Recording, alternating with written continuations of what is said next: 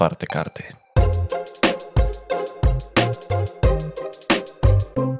Dzień dobry. Dzień dobry. Słuchacie podcastu. Otwarte karty.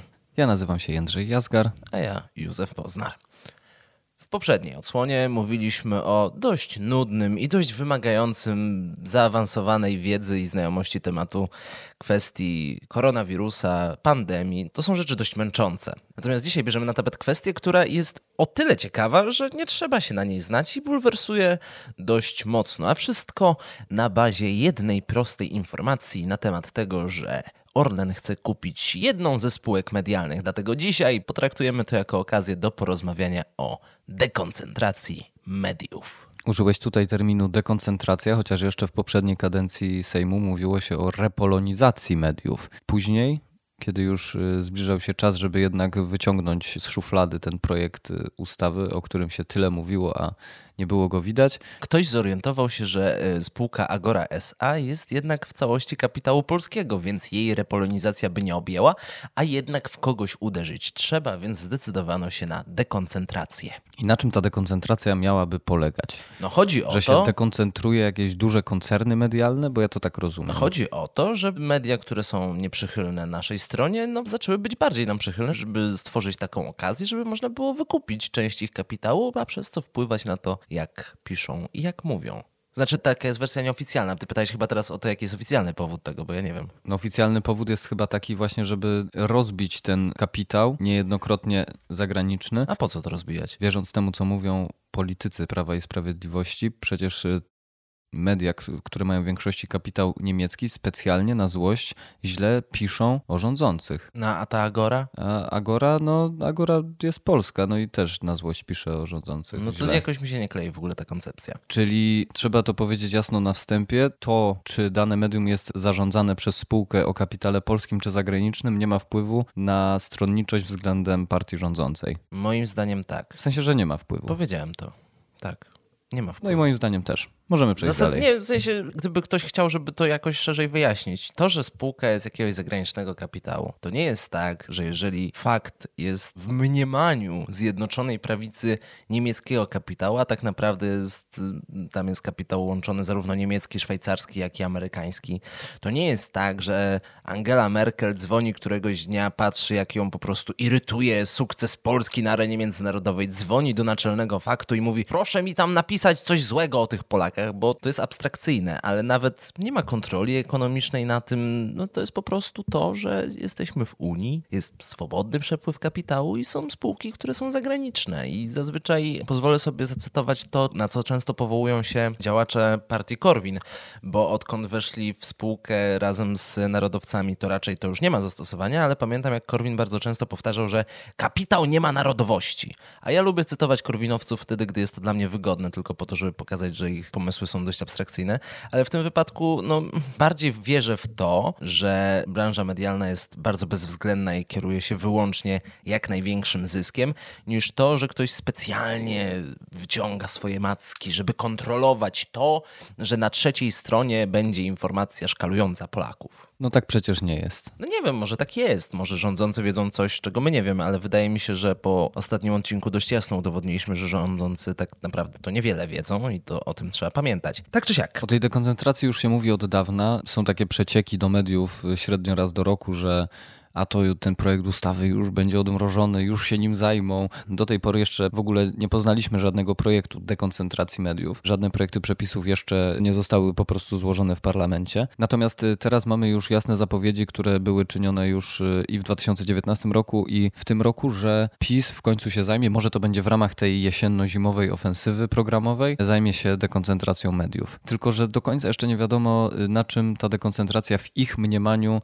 miałaby polegać. Tak jak mówiłem, nie mamy jeszcze żadnych szczegółowych rozwiązań, natomiast tych scenariuszy jest kilka. Bardzo często rządzący powołują się na przykład dekoncentracji w stylu francuskim, ponieważ wtedy, gdy jest to dla nich wygodne, to wtedy tak, możemy patrzeć na zachód i możemy wtedy się inspirować tym, co się dzieje na tym zgniłym zachodzie. Problem z dekoncentracją mediów w stylu francuskim. Pierwszy z tych problemów jest taki, że ta ustawa tam, ona pochodzi z lat głębokich 80. albo bardzo wczesnych 90., czyli w obliczu mediów, nawet mediów tradycyjnych, jest to co najmniej trzy epoki temu. A po drugie, ona tam też tak nie do końca działa. W skrócie, chodzi o to, żeby ograniczyć tam kapitał i chodzi to dość mocno o to, żeby jedna spółka nie posiadała zbyt wiele. To tak najbardziej ogólnikowo mówiąc, czyli tam dwie chyba telewizje może mieć jedna spółka i tam jest też to uzasadnione względem oglądalności, względem zasięgów. Rozumiem, że uzasadnieniem tych rozwiązań jest to, żeby żadna spółka medialna nie miała zbyt dużego wpływu na zbyt dużą liczbę odbiorców, jeżeli chodzi o przekazywane treści. To w teorii brzmi dobrze. No właśnie też to tak rozumiem, że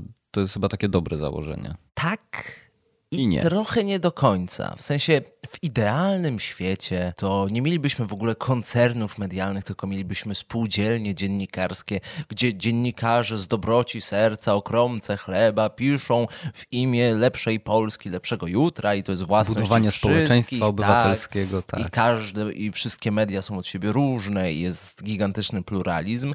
Nie istniejemy w idealnym świecie. Ja jestem raczej przeciwnikiem monopolizacji rynku, natomiast y, jest pewien problem z branżą medialną, dlatego że ona z jednej strony ma coś na zasadzie służby, a z drugiej strony jest to przeklęty, krwiożerczy biznes, który opiera się w dużej mierze, a by nie powiedzieć nawet w przypadku niektórych mediów, w jedynej mierze na reklamodawcach i reklamach. To, co chcę powiedzieć, to to, że jesteśmy obecnie w tak spolaryzowanym świecie i w takim świecie, w którym media tradycyjne nie dość, że konkurują ze sobą, to jeszcze konkurują z platformami, z którymi nie mają prawa konkurować, takimi jak Facebook, Twitter, media społecznościowe, cały internet, że ta dekoncentracja mediów w teorii wydaje się być bardzo dobrym pomysłem. Natomiast nawet wśród ekspertów jest spór, czy ta dekoncentracja jest w ogóle potrzebna i czy ona przyniesie jakikolwiek skutek poza tym, który jest faktycznie zamierzony, czyli przejąć kontrolę nad tym, nad czym jeszcze my jako rządzący nie przejęliśmy kontroli.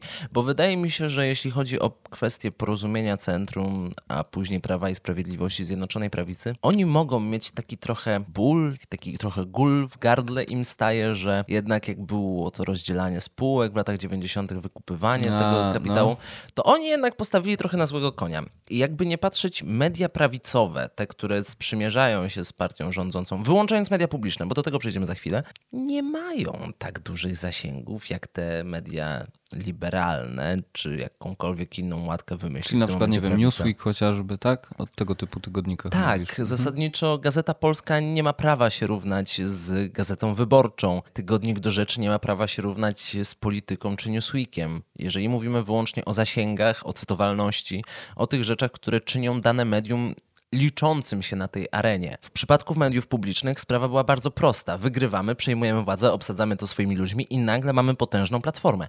Okazuje się jednak, że to trochę za mało, ponieważ jesteśmy już po pięciu latach tej propagandy, którą serwują nam media publiczne. No i okej, wygrywają wszystkie wybory jak leci, ale to, to nie jest taka bezpieczna przewaga, jakiej moglibyśmy się spodziewać. I co jakiś czas te złe media wciągają jakieś rzeczy, które są niekorzystne. A to taśmy na Morawieckiego, a to umowy jakichś wieżowców. Jeszcze jeżeli chodzi o media publiczne, czyli na przykład TVP czy TVP Info, mam wrażenie, że tam już limit y, oglądalności, czy tych takich wiernych odbiorców, tam już został osiągnięty taki szklany sufit już. Teraz TVP Info czy TVP służą tylko mobilizacji swojego elektoratu, czy jakiejś kampanii negatywnej względem konkurentów na scenie politycznej. Jakby one już nie mają na celu przeciągnięcia kolejnych ludzi na swoją stronę. One, one już służą tylko temu, żeby zabetonować e, określone poglądy w głowach odbiorców. Tak ja to odbieram. Żebyśmy mieli też jasność, y, wszystkie pomysły, które, bo jest ich kilka, na dekoncentrację mediów, w żaden sposób nie miałyby się tyczyć mediów publicznych. Takie, jakie media publiczne są, to takie one pozostaną, niezależnie od tego, co sobie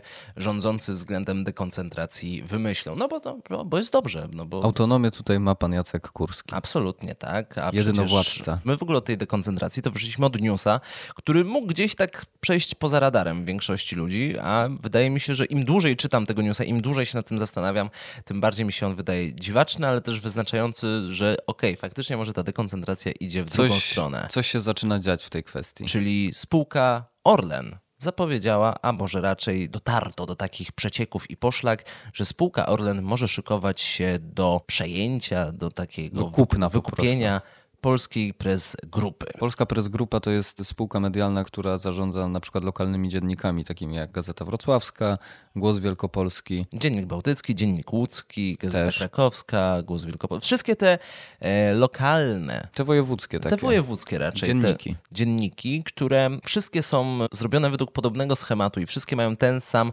szablon strony i wszystkie co do jednej pałają się tym samym dość niskim poziomem dziennikarstwa. Nie oceniając tutaj, ale na przykład wpiszę sobie w szukajkę hasło, czy następna niedziela jest niedzielą handlową. One są tak skonstruowane, że wszystkie te dzienniki przez grupy będą wam wypisywały, czy następna niedziela jest handlową. I nie uzyskacie odpowiedzi na to pytanie, ponieważ one są skonstruowane tak, żeby jak najwyżej wypadły w wyszukiwarce. Co, no dobra, to jest problem, który trapi większość dziennikarstwa, ale raczej podmioty polskiej press grupy nie cieszą się zbyt dużą estymą w świecie dziennikarskim. Natomiast mają dość potężną czytalność i są w swoich regionach dość dużą siłą, nie tylko polityczną. Ale zanim powiemy o tym, dlaczego komukolwiek byłaby potrzebna polska press grupa, no to pomówmy chwilę o tym enfant terrible, jeśli chodzi o polski management, czyli o Danielu Obajtku.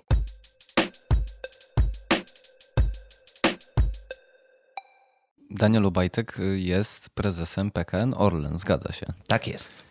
I on też chyba jest w jakiś sposób powiązany z premierem Morawieckim. No skoro jest prezesem spółki Skarbu Państwa, no to logiczne, że jest z kimś powiązany. Ale tutaj wysnuwasz jakiś wniosek, czy tam doszło do jakiegoś kolesiostwa, czy że po prostu Pytasz mnie, czy w spółkach Skarbu Państwa i w ich zarządach dochodzi do kolesiostwa?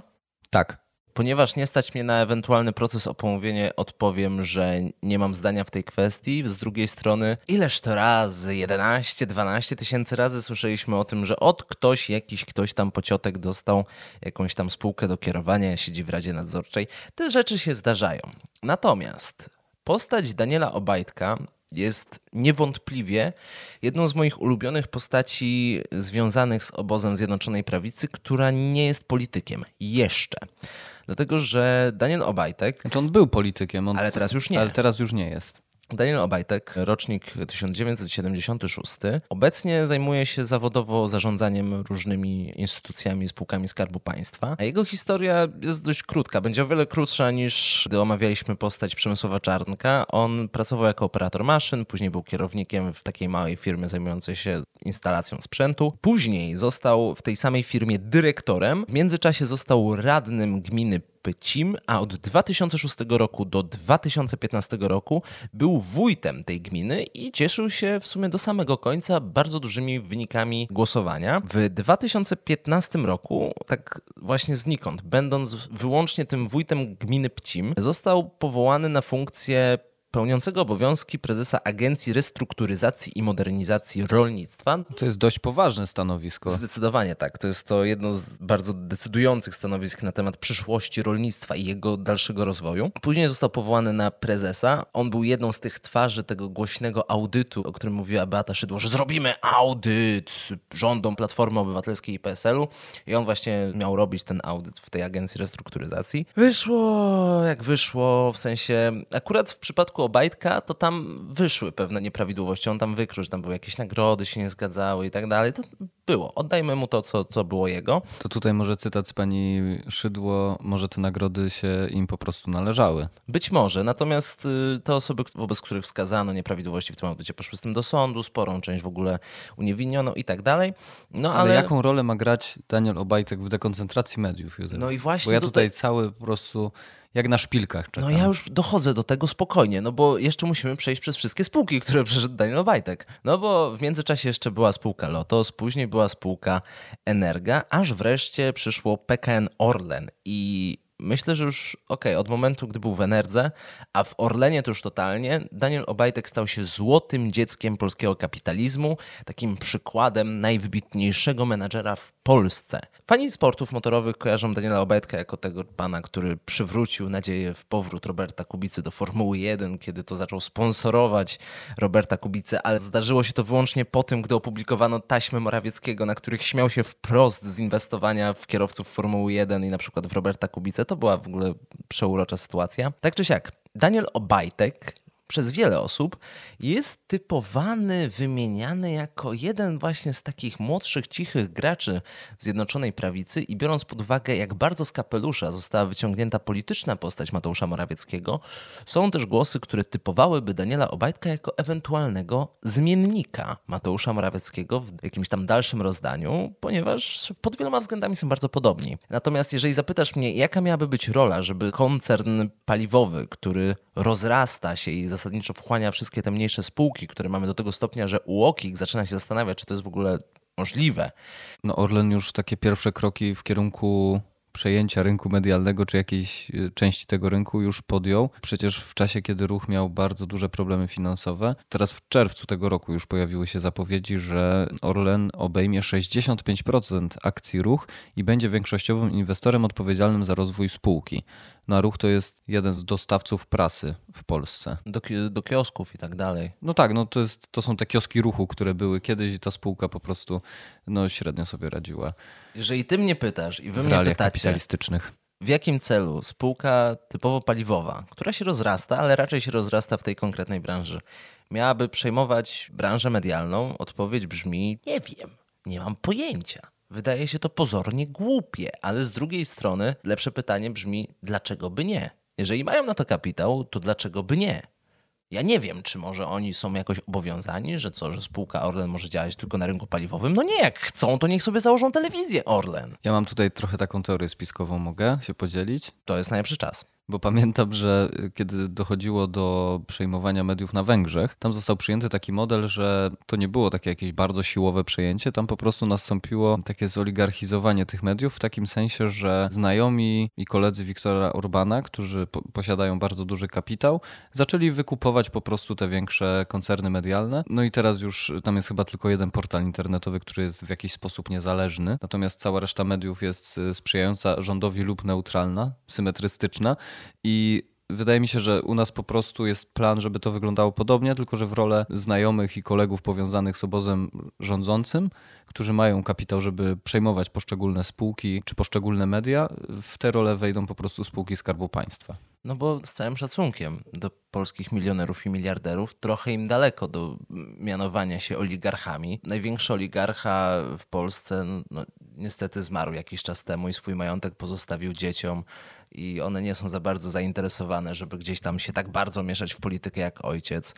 Inny oligarcha, który budował wieżowce we Wrocławiu, no to już figuruje jako Leszek, czy dość mocno zasadniczo został zdyskredytowany przez obóz rządzący. Natomiast jeden z oligarchów, a konkretnie chodzi mi w tym momencie o Zygmunta Solorza-Żaka, on także pasuje w ten model, który przyjęła partia Fidesz na Węgrzech, ponieważ to nie chodziło tylko o to, żeby podstawiać to swoimi ludźmi, to chodziło też o to, żeby przekonać tych oligarchów, którzy nie byli zdecydowani do tego, żeby popierali naszą stronę. A o tym, że Zygmunt Solorz-Żak został przekonany w jakiś sposób coś wpłynęło na jego decyzję, że szefową newsroomu na Polsat News została Dorota Gawryluk, która się nie wstydzi swoich e, preferencji politycznych, ona się nie wstydzi swojej znajomości z Jackiem Kurskim, ona się nie wstydziła dawać kwiaty Bacie Szydło po wywiadzie, bo dlaczego by nie? No to to był też fakt tego, że Zygmunt Solorz-Żak, który inwestuje na wielu różnych płaszczyznach, miał pewne zakusy związane z kopalnią i nagle pojawiło się ryzyko, że rząd mu może całkowicie utrudnić jego dalszą pracę na, tym, na tych warunkach. A że Zygmunt Solorz-Żak, o czym śledzący historię polityczną Polski po 89 wiedzą doskonale, jest to ten człowiek, który jest w stanie się ugadać praktycznie z każdą władzą, no to poszedł na ugodę i zasadniczo można powiedzieć, że Polsat już jest okej, okay, że Polsatowi nie grozi jakaś dalsza dekoncentracja, chociaż jak o tym myślę, no to Polsatowi bardzo mocno by się dostało po piórach, gdyby taka dekoncentracja w modelu francuskim weszła w życie.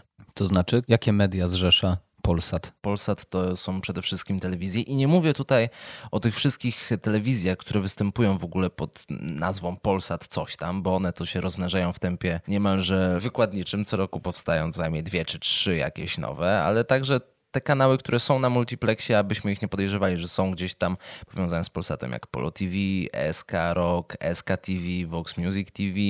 Dużo rzeczy, które są związane w ogóle ze sportem. Eleven Sports także jest y, częścią e, Polsatu. Polsat, ale raczej firma cyfrowy Polsat, spółka akcyjna, jest także właścicielem Neti, jest właścicielem Polkomtelu, czyli sieć telefonii komórkowej Plus. A jeżeli mówimy o rzeczach y, stricte medialnych, no to przede wszystkim ostatnio było głośno o tym, że Polsat wykupił Interię. Czyli jeden z najstarszych i chyba najpopularniejszych serwisów internetowych, portali internetowych. No przecież kto z nas nie miał kiedyś konta na Interi, prawda? Ja miałem konto na O2 i to było jeszcze dziwniejsze niż Interia. Też miałem tam maila, bo chyba jak się zakładało na O2, to można było mieć ten komunikator tlen. Jakoś tak to tak, działało? Tak, to działało. Aha. E, tym niemniej Interia raczej w ostatnich latach, no, mm, w porównaniu z innymi gigantami, serwisami takimi jak WP czy Onet, no raczej wypadała dość blado. Tak przejęcie tego tym roku Interi, no to, to świadczyło raczej o jakichś większych planach e, Zygmunta Solżarzaka na tę spółkę. Tym niemniej e, Zygmunt Solżak raczej nie dostanie po uszach z tą dekoncentracją mediów, no bo chce wierzyć w jego zdolności biznesowe i byłby jakoś na to przygotowany. Nie po to, nie po to się uśmiechasz do władzy, żeby później władza cię kopała w tyłek. No. I kazała ci się dzielić na mniejsze spółki. No i kazała być, oddawać swoim, nie wiem, ciotkom, pociotkom poszczególne Jak, telewizje. Daj nam tutaj dwa kanały telewizyjne może, bo, bo macie za dużo. Bo, cio, bo ciocia lubi naukę, to ja, ja dam taką telewizję Focus się nazywa i tam są programy naukowe. Dobra, to zrobimy tak. Ja tobie dam Polo TV, ale w zamian chcę może jakiś kanał z muzyką klasyczną i tak będziemy się wymieniać tymi kanałami. Józef, co ty na to? Widać, że nie masz telewizora, skoro sugerujesz istnienie kanału z muzyką klasyczną. Wiem, że jest jakiś niemiecki, ale nie wiem, czy jest jakiś polski. Na multiplexie na pewno nie ma, a i na satelicie mógłby być problem ze znalezieniem. No, nie o to chodzi w ogóle, no?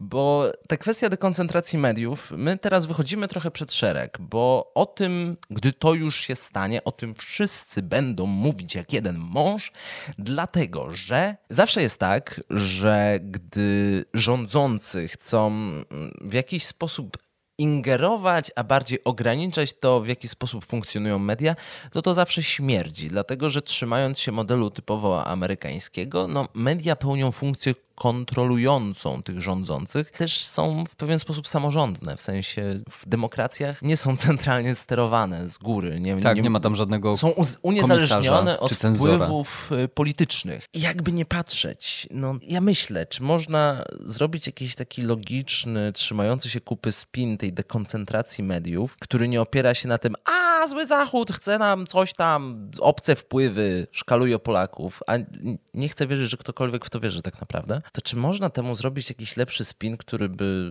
nie mówił wprost o tym, że tak, chcemy mieć swoje media, bo jak się okazuje, mediami się wygrywa wybory? Ja tego nie widzę. Albo chcemy mieć na tyle przychylne na media, żeby chociaż nie pisały o nas źle. Chociaż tyle, niech chociaż tyle dobrego nam zrobią. Niech piszą, mogą nie pisać dobrze, ale niech nie piszą źle. A mi się wydaje, że też znamienne jest to, co mówiłeś yy, wcześniej, czyli to, że na pierwszy ogień prawdopodobnie pójdzie spółka właśnie Press Grupa, ponieważ odbiorcy tych y, dzienników, mi się wydaje, że ci, którzy jeszcze nie głosują na PiS, byłaby to potencjalna baza wyborców Prawa i Sprawiedliwości przy właśnie odpowiednich treściach dostarczanych przez te dzienniki.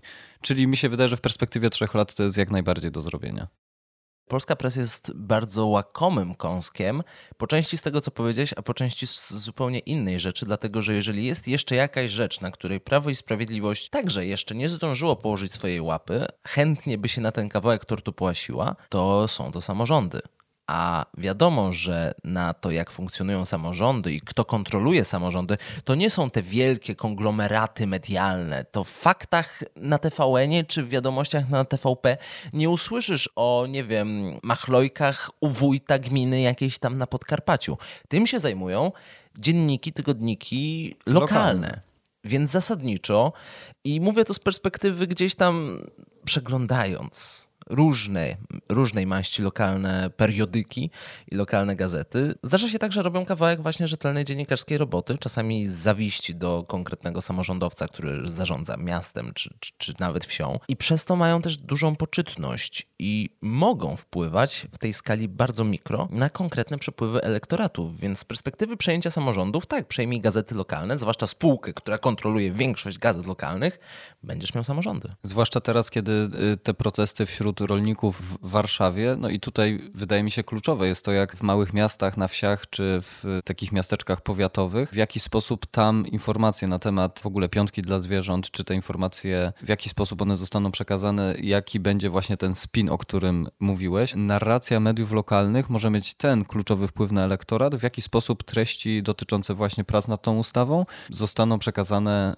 wyborcom w tych mniejszych miastach y, czy wsiach No i tutaj właśnie wchodzi e, Polska Press Grupa, chociaż z tego co się orientuje na wsiach i w małych miastach raczej się nie czyta tych e, dzienników e, wojewódzkich, tam raczej już lokalne tygodniki grają taką pierwszorzędną rolę, jeżeli chodzi o informacje. No ale z drugiej strony jest jeszcze jeden ciekawy wątek związany z tym, że te największe koncerny, te molochy medialne, to czy one się tym aż tak mocno przejmują? Może trochę. Wspomniana już wcześniej przez nas Agora, czyli jeden z największych wrogów Zjednoczonej Prawicy, takich wyimaginowanych wrogów Zjednoczonej Prawicy, bo Agora jest właścicielem zarówno Gazety Wyborczej, jak i Radia Tok FM, ale też na przykład e, takiej spółki, jaką jest AMS, który zajmuje się reklamą wielkopowierzchniową, co też jest całkiem ciekawym kawałkiem tortu medialnego, nad którym warto byłoby się skupić. Agora na przykład chciała się jeszcze załapać przed jakąkolwiek formą ustawy dekoncentracyjnej, wykupując z czeskiego kapitału spółkę EuroZ, która jest właścicielem m.in. Radia Z, które ma jedną z najwyższych słuchalności w skali kraju. To było tyle ciekawy zabieg, że spółka EuroZ no, nie była w polskim kapitale. Natomiast będąc u Agory, byłaby w polskim kapitale. I zasadniczo mam wrażenie, że to właśnie odkąd pojawiły się te hasła, że Agora chce przejąć Euroz, a to już było w zeszłym roku i oni się na razie potykają, bo UOKiK właśnie ma wątpliwości, czy to tak może być, bo to UOKiK stoi na straży antymonopolistycznej. Od tego czasu, gdy oni zapowiedzieli, że przejmują nagle temat repolonizacji ucichł i nagle, dobra, nie, to my zmieniamy strategię, będzie dekoncentracja. No są jeszcze takie koncerny jak na przykład y, właściciel TVN-u czy TVN-u 24, czyli też jednego z naczelnych przecież wrogów Prawa i Sprawiedliwości. Czyli Discovery. Czyli amerykańska spółka Discovery, czy też koncern amerykański. No oni tutaj zdecydowanie mogą się cieszyć protekcją y, ambasador USA w Polsce pani Georgette Mosbacher, która nawet ma prywatne spotkania z politykami Zjednoczonej Prawicy, żeby tam lobbować, żeby ta dekoncentracja nie była aż tak surowa, jak to przewidują na razie politycy Zjednoczonej Prawicy. I tak jak mówiłem na samym początku, że raczej nie ma takiego scenariusza, że Angela Merkel dzwoni i mówi proszę mi tutaj szkalować Polaków, bo tak sobie życzę. Jedyną taką postacią polityczną, którą można byłoby o to oskarżać jest właśnie nietypowa i wręcz dziwaczna dla niektórych protekcja ze strony ambasadora Stanów Zjednoczonych dla spółki Discovery, ale należy pamiętać o tym, że spółka Discovery jest notowana na nowojorskiej giełdzie i jest poniekąd w sporym interesie Stanów Zjednoczonych Ameryki, żeby ta spółka mogła się rozwijać na terenie takiego rynku, jakim jest Polska. No i ja uwielbiam to. Ja uwielbiam jak Georgette Mosbacher, mimo wszystko, że ona reprezentuje administrację Trumpa, że ona czasami wchodzi na białym koniu i przykłada ten kij do, do kraty i zaczyna szurać tym kijem po kratach i po prostu nagle wszyscy dostają małpiego rozumu, bo wychodzi pani ambasador i mówi, nie, nie, nie, tak, tak to się nie będzie Ale ona jeszcze ma czelność tak wprost powiedzieć, polityką Prawa i Sprawiedliwości stoicie po złej stronie historii. To akurat w przypadku praw y, osób LGBT, no ale to też pokazuje, jak dużą pozycją negocjacyjną się cieszy, że ona sobie może pozwolić na, na tego typu wycieczki. Mam wrażenie, że Georgette Mosmaker jest jednym z najbardziej charakterystycznych i charyzmatycznych ambasadorów Stanów Zjednoczonych w Polsce, przynajmniej na przestrzeni ostatnich kilkunastu lat. Bo w ogóle też ją kojarzą tacy obywatele, którzy raczej polityką się nie interesują, prawda? Bo ona też ma te wypowiedzi na tyle mocne, że one właśnie przenikają właśnie z takich newsów bardziej memicznych. E, Zdecydowanie do tak. dużego grona obywateli. Ja się boję, że ich chyba za jakiś czas się kadencja skończy, bo ambasadorzy raczej na ogół nie mają jakichś takich długich kadencji. Ja kiedyś sprawdzałem i... Znaczy ambasadorzy chyba też nie mają kadencji. Oni tak, ale od... rzadko się zdarza, żeby byli na, na dłużej niż tam 3-4 lata. A tak czy siak by się to zdarzyło w sytuacji, w której na przykład Donald Trump przegrałby wybory, bo to też nowy prezydent raczej chce mieć swoich ambasadorów, swoich ludzi, więc nie wiadomo, kto przyjdzie na miejsce Georgette Bosmaker, ale na ten czas możemy się cieszyć, że ona w imię zatroskania się interesami amerykańskiej gospodarki dba i przestrzega i chroni nas przed naruszeniem wolności słowa i wolności prasy w pięknej Rzeczpospolitej Polskiej. Ja myślę, że tak na zakończenie też możemy apelować, żebyście też byli zatroskani o losy prasy czy portali informacyjnych, no wszystkich źródeł, z których czerpiemy wiedzę i informacje o otaczającej bieżącej nas rzeczywistości, ponieważ póki co mamy jeszcze dostęp do mediów, które są od rządzących niezależne i miejmy nadzieję, że tak pozostanie jak najdłużej, ponieważ no ja sobie nie wyobrażam sytuacji, żebym otworzył 10 różnych portali i na każdym z nich bym czytał co najmniej neutralne albo przychylne newsy na temat rządzących. Jakbym był cyniczny, to bym powiedział, że to by była dobra sytuacja dla nas, bo my nie jesteśmy kontrolowani przez rządzących, to może myśmy, my byśmy mieli większą słuchalność. A, ten sposób. Media to jest krwiożerczy biznes. Myśl o tym, że jednak powinniśmy poszerzać jakieś zasięgi, więc Będziemy dla teraz wydawać strata, gazety, tak? Dla jednych strata, dla drugich zysk. Zobaczymy, co przyniesie jutro, czy też jak w przypadku dekoncentracji to może nastąpić nawet za pół roku, może za rok, a może się okazać nawet za trzy lata, że ustawy o dekoncentracji jak nie było, tak nie ma. Ale przynajmniej jest to y, ciekawy temat do rozważań i tymi rozważaniami będziemy się z Wami y, dzielić. To by było na tyle. Józef Poznar. Jędrzej Jazgar. A to były Otwarte Karty. Obserwujcie nas na platformach społecznościowych, obserwujcie nas na platformach podcastowych. Dołączcie do naszej grupy na Facebooku Otwarte Karty Forum Sympatyków i słyszymy się już wkrótce, gdy tylko coś się w tej Polsce wydarzy. Trzymajcie się, cześć. Do usłyszenia.